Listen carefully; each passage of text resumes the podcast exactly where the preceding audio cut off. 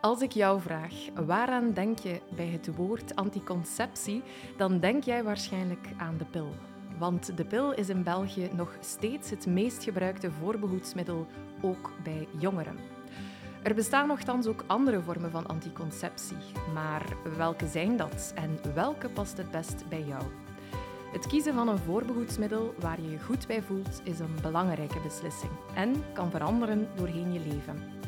Mijn naam is Sarah en in deze podcast ga ik langs bij gynaecologe Anne Seegaard. Dag Sarah. In het AZ Maria Middelares in Gent en ontdek ik welke anticonceptiemiddelen het meest interessant zijn voor jouw lichaam en in functie van jouw prioriteiten. In deze tweede aflevering kom je alles te weten over anticonceptie op lange termijn, dus voor al wie nog niet onmiddellijk aan kinderen denkt. Welkom bij de dokter. Dag dokter, bedankt om opnieuw tijd te maken voor dit gesprek. Vorige keer hadden we het over de verschillende soorten anticonceptie en dan meer in het bijzonder over de kortwerkende voorbehoedsmiddelen, zoals de pil of het condoom. Maar er zijn ook langwerkende anticonceptiemiddelen. Wat wordt daarmee bedoeld? Het langwerkende aspect wordt eigenlijk vooral mee bedoeld dat je er niet iedere dag moet aan denken of jezelf aan herinneren aan je anticonceptie iedere dag. Met andere woorden, je kan kiezen voor een middel en daarmee jaren goed zijn.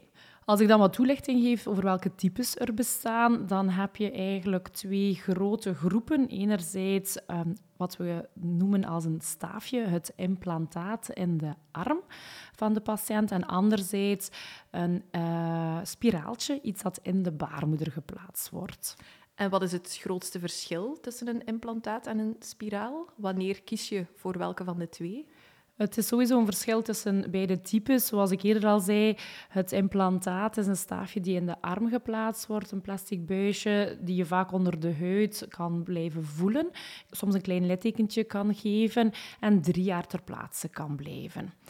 Het grote verschil met het spiraal is dat binnen het spiraal je eigenlijk meerdere keuzes kunt maken. Een beetje op maat van de patiënt. Hè? Want er is een spiraal voor drie jaar, voor vijf jaar en voor acht jaar. En dan hangt er een beetje vanaf of de patiënt al bevallen is of niet. Want hoe langer het kan blijven zitten, daar zit een klein beetje meer hormoon in. is een klein beetje een grotere afmeting. Met andere woorden, het grotere spiraal gaan we dan eigenlijk kiezen voor vrouwen die al bevallen zijn en die dan eigenlijk ook wel voor acht jaar beschermd zijn naar anticonceptie toe. En wanneer kies je nu voor een spiraal en wanneer voor een implantaat? Hangt af van de keuze van de patiënt. Hè. Mensen die zeggen, ik wil misschien geen klein littekentje op mijn arm, vind dat een gedoe om dat in mijn arm te plaatsen. Of andere mensen vinden het net een, een raar idee om iets te dragen dat ze meedragen in hun baarmoeder, hebben daar wat schrik voor. Dus dat hangt een beetje af van keuze van de patiënt. Ik denk dat we voldoende de patiënt moeten informeren wat ze mogen verwachten. Ook een aantal neveneffecten van het type anticonceptie moeten meegeven en dat dat ook wel een rol kan spelen in hun keuze.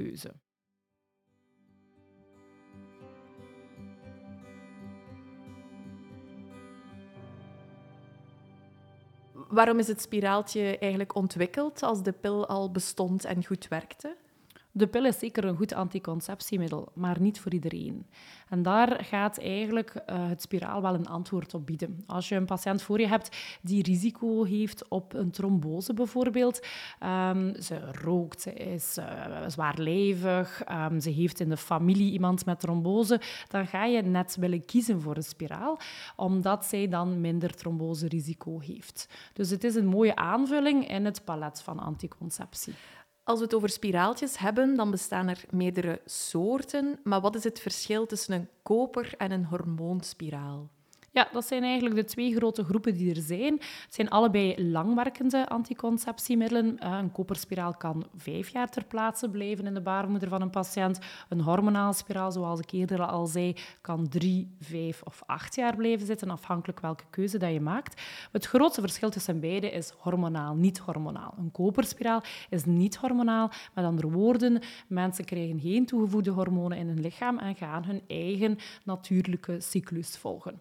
En dat is anders bij een hormonaal spiraal, die wel een invloed heeft op hun bloedingen. En word je bij zo'n uh, hormonaal spiraal aan evenveel hormonen blootgesteld als bij het gebruik van de pil? Nee, want dat is anders. Hè. Het wordt een progestageen, levonorgestrel gebruikt in uh, een hormonaal spiraal. Terwijl als je hier, en ik denk dat je dit bedoelt bij het gebruik van de pil, denkt aan een combinatiepil. Hè. Een, een, pil die inslikt waar twee typen hormonen in zit. Daar zit dus ook dat progestageen maar ook nog een ander vrouwelijk hormoon, uh, oestrogenen in. En dat werkt ook anders. Uh, een pil ga je inslikken, gaat zijn werking gaan oefenen via het bloed. Terwijl een hormonaal spiraal gaat eigenlijk grotendeels lokaal gaan werken. Nu, als je een spiraaltje hebt, dan menstrueer je niet. Maar dat klinkt nogal onnatuurlijk. Is, is dat schadelijk voor je gezondheid? Dat is zeker niet schadelijk voor de gezondheid om niet te menstrueren. Kleine kanttekening, je gaat vaak minder menstrueren bij een spiraal. Het is een minderheid die helemaal niets nog van menstruatie gaat hebben. Het kan zijn dat je bijvoorbeeld kleine episodes hebt van matig weinig bloedverlies of bruinverlies. Je hebt een aantal patiënten die heel gelukkig zijn natuurlijk, die helemaal geen maandstonden niet meer hebben. En je mag gewoon dat geluk ook toewensen. Het is niet onnatuurlijk om niet te gaan menstrueren. Het kan ook op zich geen kwaad. Het is is net de intentie van het hormonaal spiraal om je baarmoeder slijmvlies dun te houden. Dus wat er niet is, kan ook niet afgescheiden worden als bloedverlies. Je hebt ook wel mensen die heel graag willen menstrueren als een soort van controle, um, die zich daar veilig bij voelen of beter bij voelen. Dan moet je dat, die keuze ook wel respecteren. Ik denk als je dat dan goed uitlegt, waarom ze het wel of niet gaan doen, dat ze dan soms wel hun idee kunnen bijsturen. Nu, hoe wordt een spiraal ingebracht en is dat pijnlijk? Dat is eigenlijk via een gynaecologisch onderzoek, gewoon op consultatie bij ons, um, waarbij dat we dat in de baarmoeder gaan plaatsen. Om te antwoorden op je vraag, is dat pijnlijk? Dat hangt er een beetje van af. We gaan ook wel onze patiënten counselen daarover. Met andere woorden, we gaan vaak hebben, graag hebben dat ze komen tijdens de maandstonden of kort daarna, waarbij dat we ook al weten dat het wat minder pijnlijk is, omdat de baarmoederhals een beetje open gaat staan. Het gaat ook afhankelijk zijn van in welke leven zich gaan uh, bevinden. Iemand die bevallen is een aantal weken en dan kiest voor een spiraal. voor haar gaat dat vaak een fluitje van een cent zijn en gaat dat eigenlijk niet pijnlijk zijn. Het is een ander verhaal voor een jong meisje die misschien al wat nerveus is dat ze bij de gynaecoloog komt voor toch iets onbekend, het plaatsen van een spiraal. Dan gaan we ook wel zeggen van neem een pijnstiller op voorhand, breng iemand mee voor het geval dat je inderdaad minder goed bevalt en, en je wat pijn hebt. Um, en we gaan die mensen ook advies geven van kijk, als je nu pijn hebt, uh, hoe ga je dit aanpakken? Wat pijnstilling. En ook duiden dat dat misschien een kort heftig moment kan zijn, maar die misschien na twee minuten helemaal voorbij is. En gaan we ook aanraden van, heb je dit nog? Uh, kan je pijnstilling nemen? Dus we geven gewoon ook uitleg van wat is er te verwachten en hoe gaat het zijn. En dat is zeer individueel. Wat voor één patiënt heel pijnlijk kan zijn, kan voor de andere best goed meevallen. En ik denk dat dat ook wel belangrijk is om mee te geven aan uw patiënt, dat het niet is omdat haar vriendin net niet flauw gevallen is hè, op de pijn bij het plaatsen, dat dat voor haar ook zo zijn. Maar gelukkig is dat wel iets dat amper voorkomt.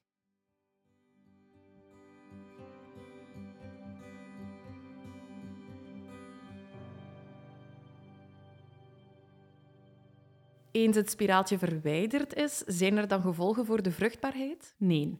Eigenlijk gaat terwijl je het spiraaltje hebt, je cyclus gewoon verder gaan en als je het eruit haalt, evenzeer. Dus de mensen kunnen meteen zwanger worden als het spiraaltje eruit gehaald is. Wat is dan het interessantste voorbehoedsmiddel als je al een kindje hebt, maar er binnen een paar jaar nog eentje wenst? Dan zou ik mijn patiënt wat counselen richting een langwerkend uh, anticonceptiemiddel.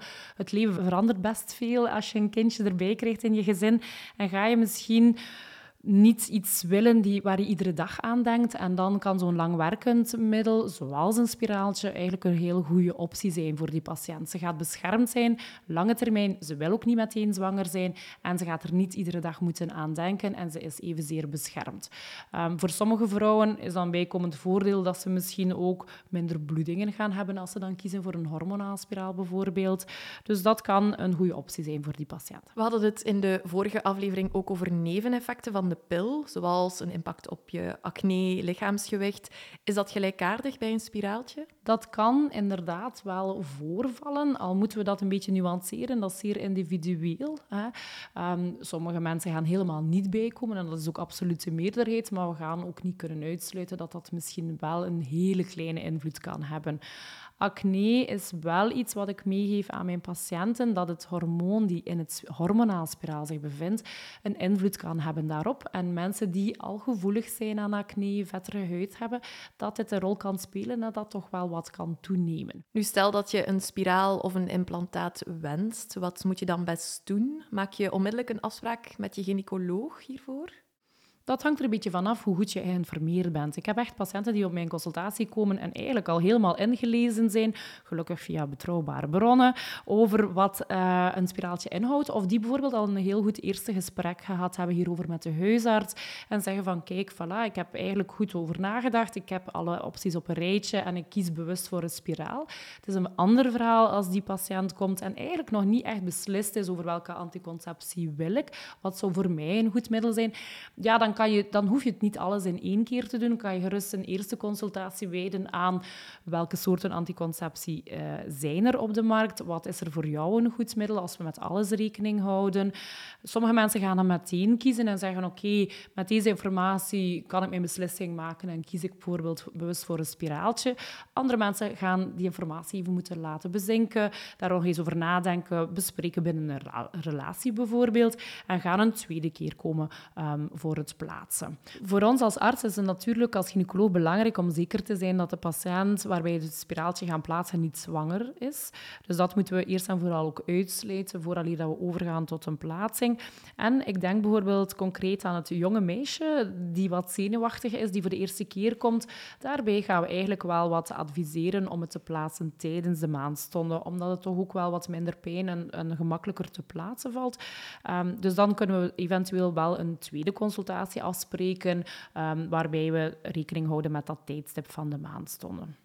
En hoeveel kost het om een spiraaltje of implantaat te plaatsen en wordt dat terugbetaald? Afhankelijk van welk type je kiest, uh, is het een andere prijs. Als ik denk aan een niet-hormonaal spiraal, een koper, gaat dat ongeveer in de grote orde van 50 euro zijn.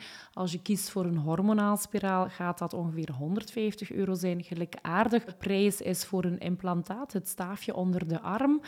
Natuurlijk hangt het ook een beetje af van je leeftijd. Als patiënten onder de 25 zijn, dan gaat dat eigenlijk grotendeels of zelfs bijna volledig terugbetaald zijn, opnieuw afhankelijk van welk type ze kiezen. En is dat een ander verhaal als mensen boven de 25 zijn.